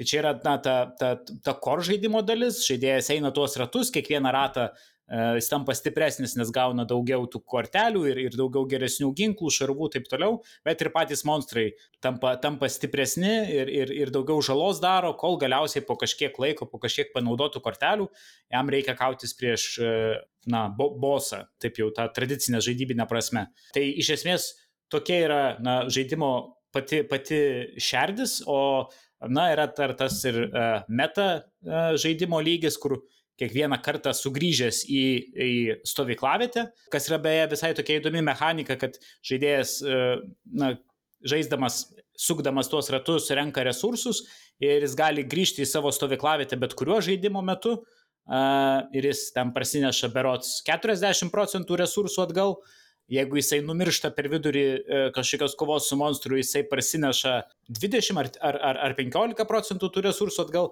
bet kai jisai pasiekia na, savo saugiąją vietą, savo palapinę tame, e, e, tame žiedė, kuriuo jisai pastoja vaikšto, jisai gali grįžti į atgal, prasineždamas visus resursus. Na tai toks yra rizikos valdymo elementas, ar ne? Ar aš galiu apsukti dar ratą, jeigu galiu apsukti ratą, galbūt jau nebegaliu sekančio priešo nukauti, na ir taip toliau pastovi tokia lo, lošimo elementas, ar ne, toks yra, ar, ar, ar pavyks ar ne, ar, ar, ar, ar suvaldysiu, suvaldysiu tą riziką ar ne. Na ir tam, tam meta lygijas, e, vėlgi iš tų pačių resursų statomi įvairūs pastatai, kurie duoda įvairius privalumus, atrakina naujas korteles, na čia tokia jau turbūt moderni, moderni klasika panašių žaidimų progresijos, tai ir, ir Hades žaidime labai panaš, panašus dalykai ir, ir, ir turbūt daugelį tokių, na, roguelike tipo žaidimų.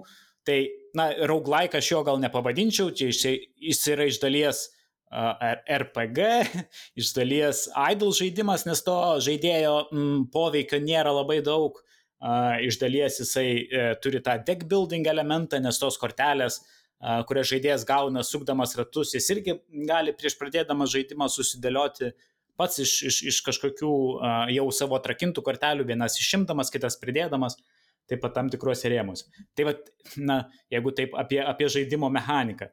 Bet kuo žaidimas įdomus, na, bent jau man asmeniškai, na, tai turbūt taip tas šitas mechanikų įdomus, įdomus kratinys, tas toksai uh, labai akį traukiantis meninis stilius, pixel art, bet su labai ribota spalvų palete, bet tos spalvos atrodo, na, nuostabiai gerai parinktos ir, ir, ir tikrai, na, žaidimas atrodo kaip, kaip joks kitas ir turi labai tokį stiprų savitumą. Bet kas man taip pat buvo įdomu, kad žaidimas labai saikingai žaidėjui dalinasi informacija. Tai yra, kaip tiksliai veikia na, visi vidiniai žaidimo dalykai, ten, nežinau, žalos skaičiavimas ar pačios netgi tos kortelės, kurias žaidėjas dėlioja, E, tai yra, na, duodami tokie apmatai, kažkokios e, užuominos galbūt labiau, e, kurias iš bendro išprusimo gali nutuokti, kaip veikia Defense 5 ar ten, nežinau, Vampirism 10 procentų, bet iš esmės labai daug dalykų žaidėjas pats turi žaisdamas atrasti. Kai pradedi ypač, ypač su tom kortelėm, iš kurių dėlioji žaidimo žemėlapį, tai iš pradžių yra pasakoma, na taip, čia kalnas, jeigu pastatai kalną prie kalno, tai kalnas už kiekvieną kalną esantį šalia duoda dar papildomai kažkiek taškų. Tai duoda tokią žaidėjų pirmą užmetimą, kaip, na, žodžiu, kalnus šalia kalnų atrodys gražiai ir, ir, ir bus daugiau naudos. Bet e, bežaidžiant, be eksperimentuojant, supranti, kad tam tikros kortelės šalia kitų kortelių jos taiga turi kažkokį naują efektą. Tai e, yra kaimo kortelė, bet jeigu šalia kaimo kortelės bus e, e, vampyro e, dvaras, tai jau tas kaimas bus nebegydantis žaidėja, o tas kaimas bus pilnas kažkokių monstrų. Tai galbūt tai yra neigiamas dalykas, bet tuo pačiu yra galbūt kažkoks paslėptas dar ir teigiamas efektas, ar ne? Kodėl, kodėl tu kartais gali net norėti e, tokį dalyką daryti. Na tai visas žaidimas yra pilnas va tokių paslėptos mechanikos, paslėptų interakcijų, tų žaidimo tarpusavio sistemų ir, ir, ir e, na, žaidimo procesas yra na bent jau man tai toks pastovus atradimo jausmas, kai kiekvieną kartą galbūt kažkokio naujo turinio nepamatai, bet po truputį savo atmintie libdai tą žaidimo paveikslą, kaip jisai veikia iš tikrųjų ir iš ko jisai susideda. Ta dalis man, man pasirodė įdomi, galbūt, galbūt nedaug žaidimų tą daro. Gal, aš nežinau, gal dar Gediminui dar kažkas e, kito įsiminė iš, iš Loop Hero. Dar norėjau paklausti, kažkaip taip žiūrint ir klausant, o tai nėra kaip būdas pasimokyti, kaip kurti žaidimus? Tarsi, nu, nes kažkaip atrodo, kad kažkas panašaus vos ne Game Maker e, žemėlapių generavimą. Ar, ar čia aš klystu? Ne, ne, tai žaidimas gana, manau, ribotas yra ten, ten tiek tų kortelių, tiek tų mechanikų, ten, ten kažkokių jau pat savo dalykų, kaip, kaip sakyt, išrasti negali, gali atrasti. Esi labiau atradėjas to, kas, kas jau yra sukurta, negu, negu improvizuojantis, uh, turėdamas kažkokius elementus. Jo, aš e, galbūt pataisysiu, gal, nu, nepataisysiu, bet papildysiu Simą šiaip tai mm, šį kovo ketvirtą jau jisai išėjo iš Early Access, kiek, kiek aš žinau. Šitas žaidimas ir ten tie procentai šiek tiek pasikeitė, galbūt tu Simai senokai žaidėjai, nes tai nėra kritinė informacija, tiesiog man atrodo, kad nuo, nuo to momento, kai tu žaidėjai ir koks dabar žaidimas yra, tai įvyko nemažai iteracijų ir nebejoju, kad būtent leidėjas Devolveris prisidėjo prie tų teigiamų postumių. A, a, atsiprašau, apie kokius tu procentus šneki, nes aš neseniai žaidžiau. Jeigu, jeigu miršti, tai 30 procentų gauni, jeigu pabėgi 60 procentų. Nu, jo, nu, prasme, jo, čia gal, čia, dėl, dėl šito tai nesiginčiu, aš turbūt blogai atsimenu. Mm. Bet e, apskritai tai žaidimas toks e, labai tvarkingai sukaltas iš, iš dizaino pusės, turiu meni, kad na, jisai, jisai yra toks dizainerio žaidimas, tai yra nu, visi, visi, man atrodo, žaidimų dizaineriai, nu, arba aspiruojantis tokiais būti, jie norėtų tokį žaidimą sukurti vien dėl to, kad na, jis tikrai turi daug e, įvairių elementų, jie nėra kažkokie super inovatyvūs patys iš savęs, bet sudėjus kartu gaunasi labai įdomus, e, įdomus rezultatas ir e, šis žaidimas yra, na, aš bent jau nieko panašaus nesu žaidęs, kur viskas būtų sujungta į tokį, į tokį didelį kokteilį, nes, vad, kaip turi minėjai, yra šiek tiek panašumų su su ta naujaja roguelike banga, su Hates arba e, dabar kur naujas išėjęs e, Curse of the Dead Gods, e, irgi roguelike'as, kuris irgi inovuoja tą temą. Tai šitame žaidime irgi yra vat, to, tokių elementų iš tos vat, bazės statymo arba didinimo, stiprinimo arba papildomų dalykų gavimo dalies, bet kartu ir pats gameplayus jisai artimas labai na, mobile žaidimam, būtent toks, na, pasyvus, tam tikrą prasme esi pasyvus stebėtojas ir tu tiesiog įsivaizduojam, kad vyksta auto kova kažkokia tai ir tu tam tikrų momentų tiesiog sustabdai žaidimą ir ne tik pats sustabdai, bet žaidimas ir pats sustoja, nes pavyzdžiui, e, žaidžiant krenta žaidimo lūtas ir tam, kad tu užsidėtum, pasižiūrėtum, koks tas lūtas yra, ar jis geresnis yra už tavo esamą aprangą personažo, be abejo, norint priimti tokius sprendimus, reikia šiek tiek laiko. Tai žaidimas šitoje vietoje iš vartotojo patirties pusės visada, kai tu iššauki kažkokį tai iššokantį langą, kuriame yra pateikiama kažkokia informacija specifinė, žaidimas už, užsipauzina tuo metu. Tai vad, man iš tos pusės labai patiko e, šitas aspektas, kad, na, tu kažką tai žiūri ir žaidimas sustoja, laukia, kol tu nuvesi pelę ir galėsi toliau stebėti, e, kaip sekasi tavo personažui kovoti su, su, su ta krūva monstrų, kurie, kurie eina. Ir kartu tas e, žemėlapio statymo aspektas, kuris irgi labai susišaukia su stalo žaidimais, kurie, kurie paremti būtent tam tikrų žemėlapio statymų, kai pradedi nuo vienos kortelės ir naudodamas resursus plėti ir gauni kažkokius tai bonusus, tai, tai tas momentas irgi labai įdomus ir tai, kad tai nėra toks vienpusis, vienu atveju tu stiprini savo personažą vienais kortelių padėjimais, kitais tu stiprini priešus, su kuriais tavo personažas turi kovoti. Ir čia visas žaidimo grožis iš esmės atsiskleidžia per pirmą žaidimo sesiją. Tai e, susidaryti nuomonę, ar, patink, ar patiks šitas žaidimas ar ne, galima per pirmą sesiją. Čia nereikia žaisti ten 10 e, valandų ar 5 valandas, kad tu suprastum, ar tai tavo žaidimas ar ne.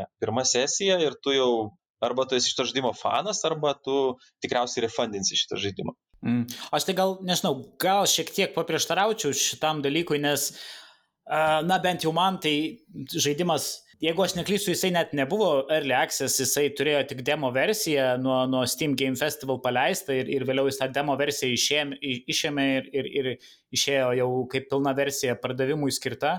Bet aš nežinau, per pirmą sesiją jisai man labai labai patiko ir aš jau dabar turiu prasukęs per, per šią savaitę kokias, na, 80 valandų jame ir uh, Aš žinau, kad yra dar daugybė dalykų, kuriuos aš e, neatrakinau žaidime, tas turinys, kurio aš dar nemačiau, bet kuo toliau, tuo man atrodo, na, kažkaip sunkiau kiekvieną kartą prisiversti jį sugrįžti, nes vienas dalykas, ką turėt, turbūt reikėtų pasakyti apie, apie šį žaidimą, yra, kad jis, jo tempas yra toks labai meditatyvus ir labai, uh, gal buvo geras tavo palyginimas su mobile žaidimais, ar ne, kai su ta, ta idle žaidimų uh, kryptimi ant, ant mobile, kai tie žaidimai tau galbūt yra net ne kaip pagrindinė tavo uh, veikla kažkokia, tu galbūt, nežinau, žiūri filmą, serialą, klausaisi podcast'o ir taip pat tuo metu žaidi kažkokį nedidelį žaidimą ant, ant telefono ar, ar, ar šiuo atveju Loop Hero ant, ant asmeninio kompiuterio, uh, nes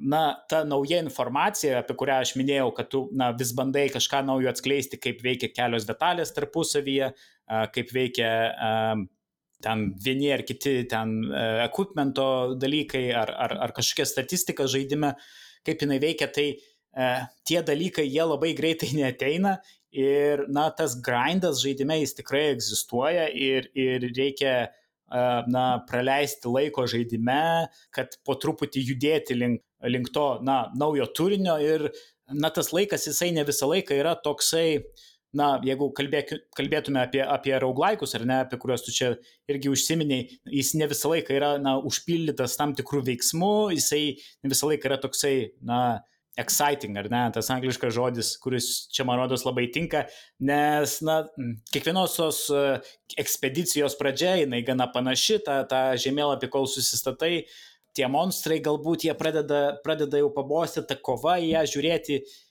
kartais, kartais nėra labai įdomu, aišku, kai ten būni prie paskutinių savo, savo gyvybės taškų likučių, tai, tai na, atsiranda kažkoks azartas, bet dažniausiai būna, būna arba aišku, kad lengvai nugalėsi, arba aišku, kad gausi kažkiek žalos, ne, nebūna kažkokio didelio surprizo ar ne, kažkas, kažkas netikėto įvyko.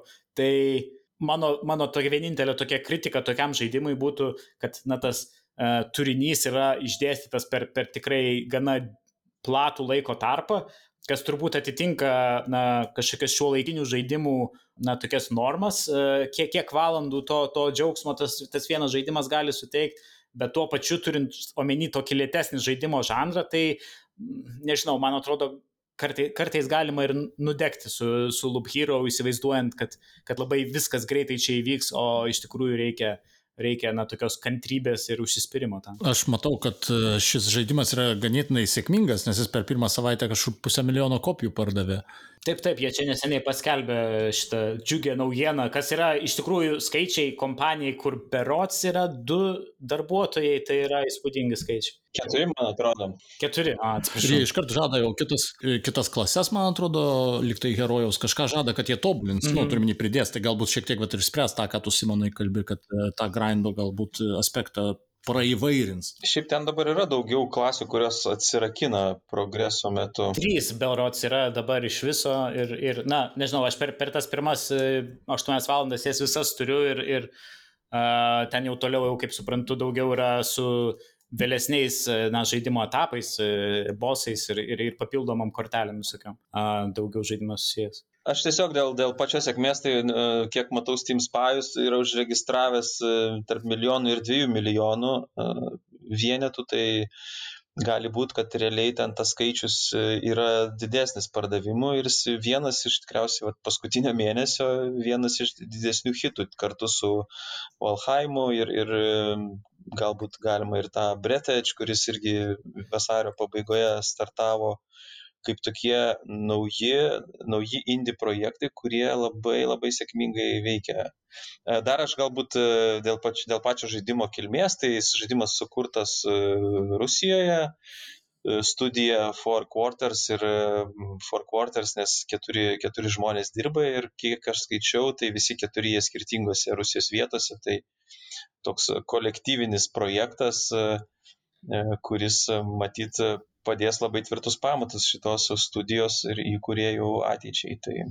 Jo, aš tai gal dar pasakyčiau apie, apie Devolver, kur, kur aš jau, na, jau pareklamavau, kad jie toksai kaip ir kokybės ženklas, bet nežinau, mane tai toliau stebina, kaip jie, galima sakyti, neteisingo žingsnio leisdami žaidimus na, nepadaro. Aš dabar žiūriu atsidaręs jų uh, išleistų žaidimų Steam sąrašą, tai na, tiesiog uh, hitas po hito tikrai visi be išimties unikalūs ir įdomus produktai. Jo, mes čia kaip tik prieš, prieš rašant su Andrium kalbėjom, kad verta būtų kada nors temą apie juos padaryti, nes ten tiek įvairovės, tiek visko daug pas juos mm. ir viskas taip super įdomiai. Tai kada gal tikrai e, padarysim kažką tokio jiem dedikuoto. E, aš jo, aš jūs suvėliau, sorry, visus, nes nebuvo ir leks šitas žaidimas. Aš pasižiūrėjau, susimaišiau su žaidimais, nes dar yra pora žaidimų, apie kuriuos būtų fainai pakalbėti ir jie būtų, kaip suprantu, jau dabar gal neklystų, kad yra early access ir būtų tokie kaip, nu, managemento, kaip building žaidimai. Tai pirmas yra The Tenants, Gediminai, tu norėjai papasakot, atsakykit klausimą, kodėl jį verta žaisti, jeigu Simsų žaidži, kuo jisai skiriasi nuo Simsų ir kaip papildo galbūt tą visą idėją kambarių, kambarių statymų. Tai e, nuo Simsų skiriasi tuo, kad nenaudoja Simlish ir nereikia vykdyti interakcijų su Simsų personalijom. Tai yra toks, e, aišku, labai daug e, persidengiančių dalykų yra tose dviejose žaidimuose, bet The Tenants yra Lenkų studijos, 19 metais įkurtos vienam iš pajūrio miestelių, vadinasi Ancient Force Studio, tai berots yra antras jų žaidimas, man atrodo, abu šiuo metu yra kuriami ir jie kažkaip yra susijęs su Frozen District leidėjų iš Krokovos.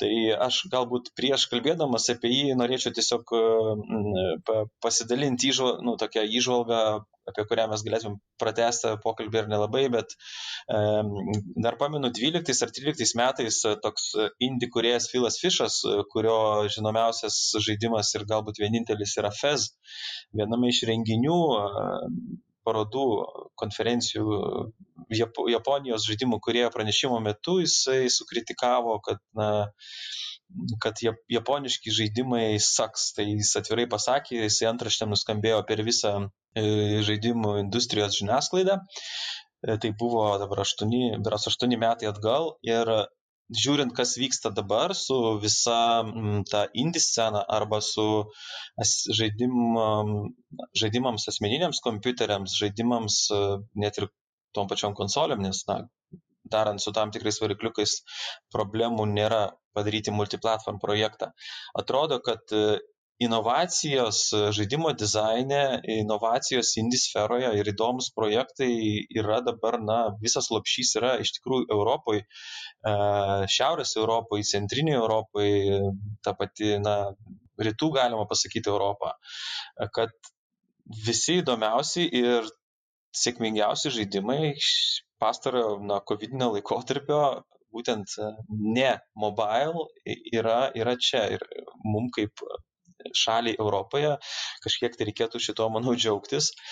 Bet tikriausiai tai susijęs su tuo, kad JAV pilnai norėjo, nuėjo į mobilą ir JAV kaip na, kapitalistinė ir verslo šalis, e, be abejo, tos galimybės, kurias suteikia mobilas iš, iš investicijos ir gražos, e, nulėmė tai, kad mes iš Junktinio Amerikos valstijų turime arba E, didelius AAA blockbusterius arba turime mobile žaidimus, kurie karaliauja topose. Nors vėlgi su mobile irgi tam tikras masės centras jau juda iš, iš vakarų pusės į vėlgi į Europą. Tai va, čia aš tiesiog norėjau pasidžiaugti uh, tuo, kad uh, Europoje sukūrėma labai daug ir kūrėma labai daug įdomių žaidimų, vien dėl to, kad pasižiūrėjau, kad tiek praeitoje laidoje, to, apie tos žaidimus, kuriuos kalbėjau, ne nu, praeitoje laidoje, kur aš dalyvavau, kalbėjau apie žaidimus, kurie irgi buvo kurti Rusijoje, dabargi žaidimai, kurie kūrėmi Lenkijoje ir kartu Rusijoje, e, taip pat įdomus projektai Vokietijai, Prancūzijai, tas pats Valhaimas, kurie kurtas Švedijoje, tai e,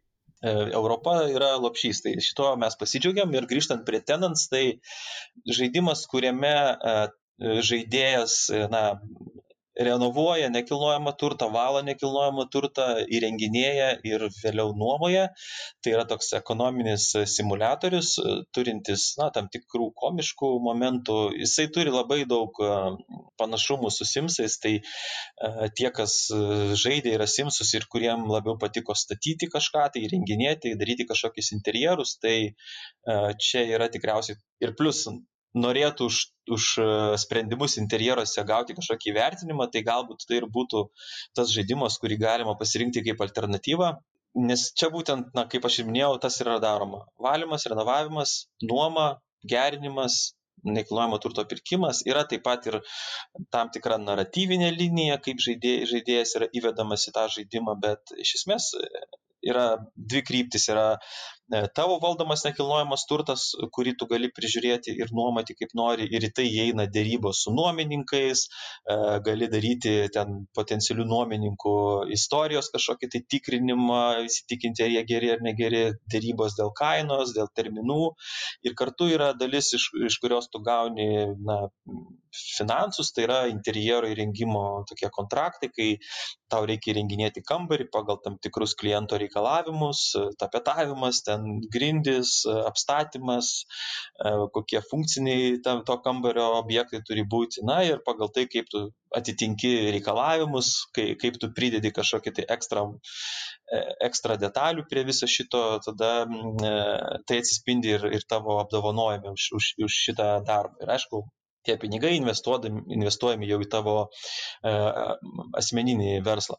E, pats žaidimas yra toks, e, nepasakyčiau low poly, bet, na, daug labiau laupoliniai simsai, tai ganėtinai tokia čanki grafika, jis aišku atsiduoda to indį neišdirbimu tam tikrų dalykų, kaip, na, kaip tas pats, tas pats įrenginėjimas interjero, jis nėra toks toks sklandus ir turi tiek daug įvairių įrankių, kaip tarkim Simso atveju, bet iš esmės jo užtenka, nes tai yra labiau žaidimas, na, tas interjero arba įrenginėjimas jis yra labiau žaidimo dalis, o ne kaip žaislas.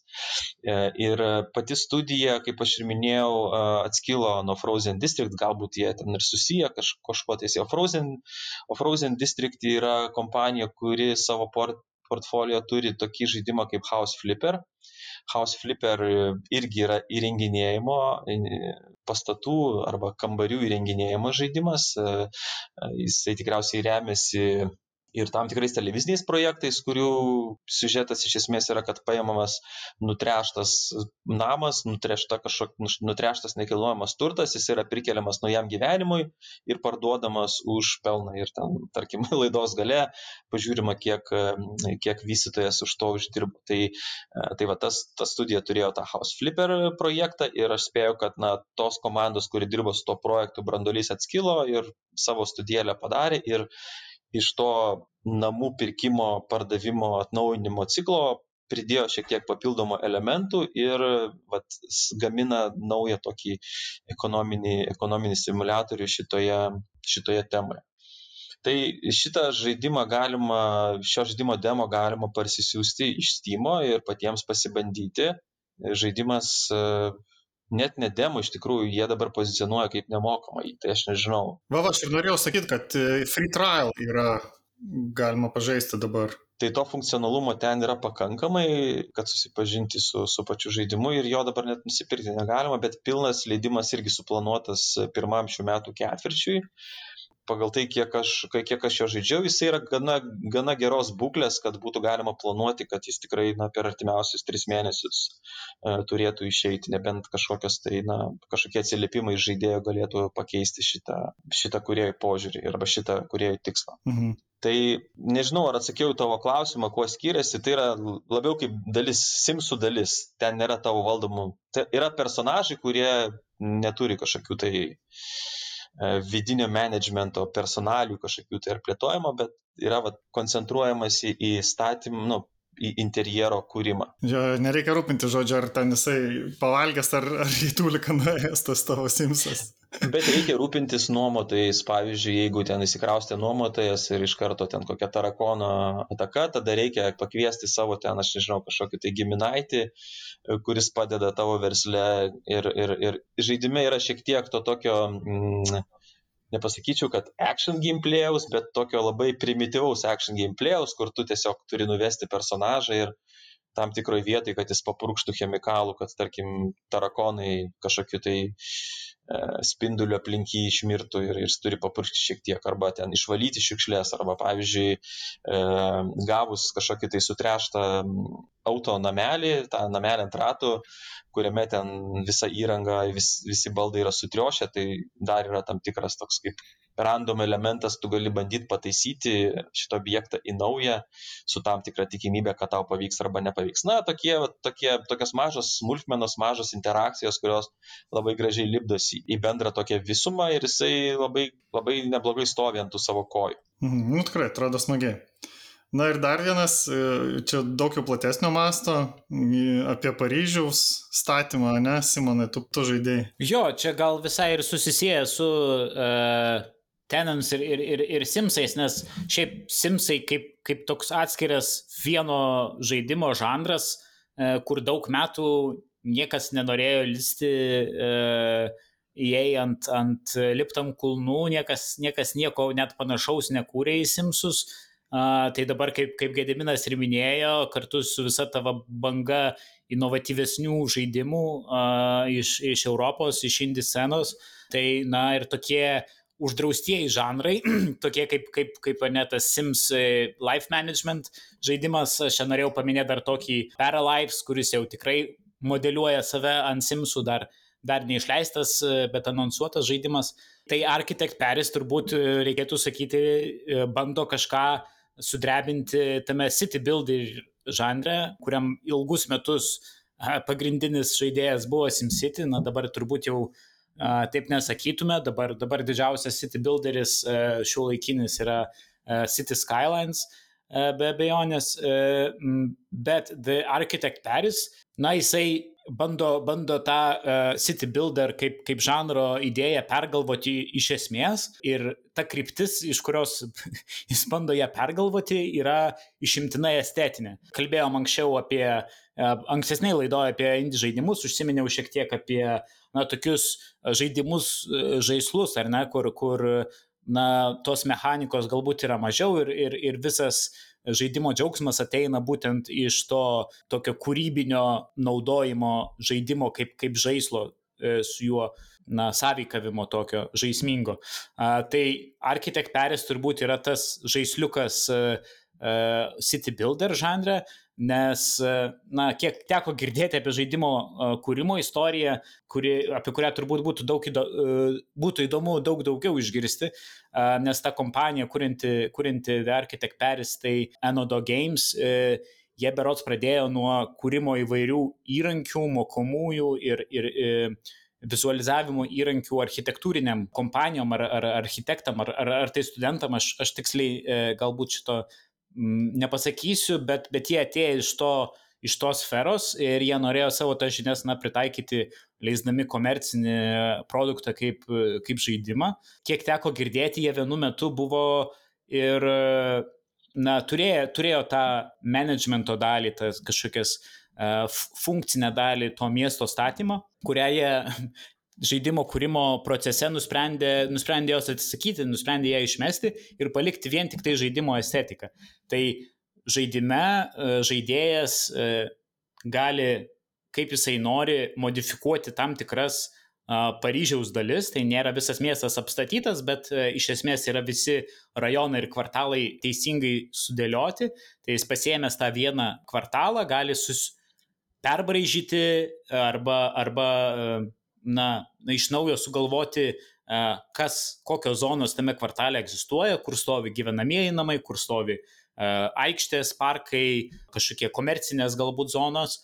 Ir tuomet, kai ta zona susidėlioja, jisai, na, tose zonose gali sukurti pastatus, keisti jų architektūrinius stilius iš gana didelės paletės, reguliuoti jų aukštingumą, berots stogą gali keisti ir medžiagiškumo fasado ten, ten na, šiek tiek galima uh, keitaliot uh, spalvinius sprendimus ir, ir, ir uh, tokius panašius lengvai žaidimo variklyje keičiamus dalykus. Tai jo, tai turbūt tas žaidimas yra įdomus tuo, kad jisai bando prieiti prie, prie to miesto statymo iš visiškai kitos pusės, iš estetinės, iš tokios vizualinės.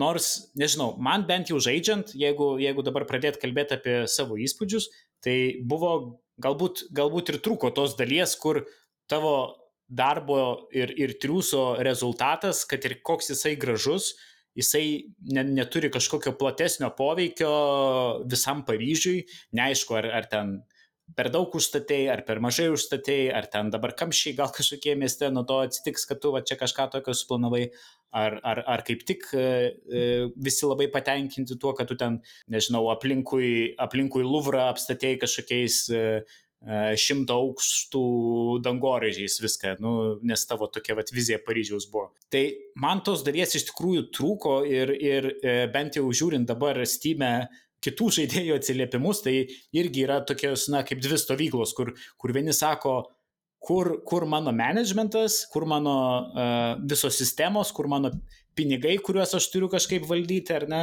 uh, o kiti sako, puikus būdas save išreikšti, puikus uh, žaisliukas, puikiai, na, kaip nežinau, uh, ekspresijos priemonė, tam tikra.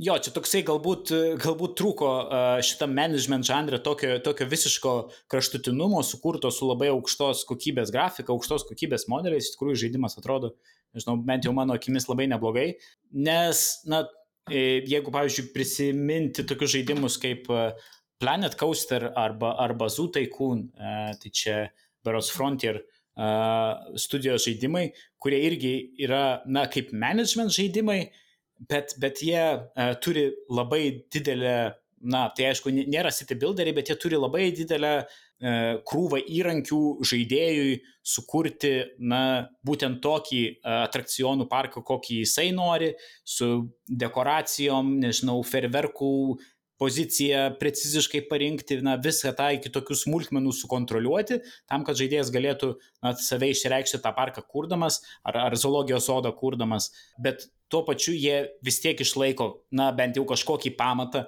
žmonių, kurie ateina, žmonių, kurie kažką, kažką veikia tamo tame parke ir, na, duoda tau kažkokį tokį atgalinį ryšį. Tai, na, The Architect Paris yra, sakykime, city builderis be jokio atgalinio ryšio. Na, tiesiog pilna, pilna smėlio dėžė.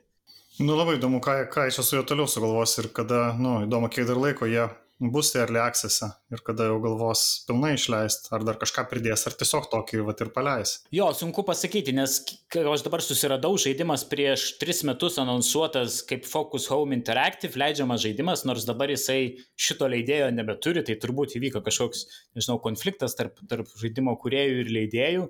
Bet kaip pati ta studija sako, tai, na, jie tą žaidimą kūrė nuo 2014 metų, tai jau čia jau septyni metai gaunasi a, to žaidimo gyvenime, tai ir, na, jis vis tiek yra early access, tai, na, klausimas, jeigu jisai šitaip atrodo po septynių metų, a, kiek dar jis gali pasikeisti per metus du early access režime. Tai, tai tiek žaidimų, visai įdomus, skirtingi įvairūs indie gabaliukai, labai tikrai, nu, ir, ir, ir su studijom susiję, ir su, nu, turiu galvoje su studijom, tai su kažkokiais e, iš, iš, iš universitetų, va, iš architektūros, iš ekonomikos daug ko galima pasimokyti iš tų įvairių žaidimų. Manau, kad nu, dar vertais visais pasidomėti e, ir pasižiūrėti, ar patiks. Ačiū labai visiems, kas prisidėjot prie laidos, pasidalinot įspūdžiais ir grįšim po savaitės su dar kitokiais žaidimais. Iki. Iki. Viso. Viso.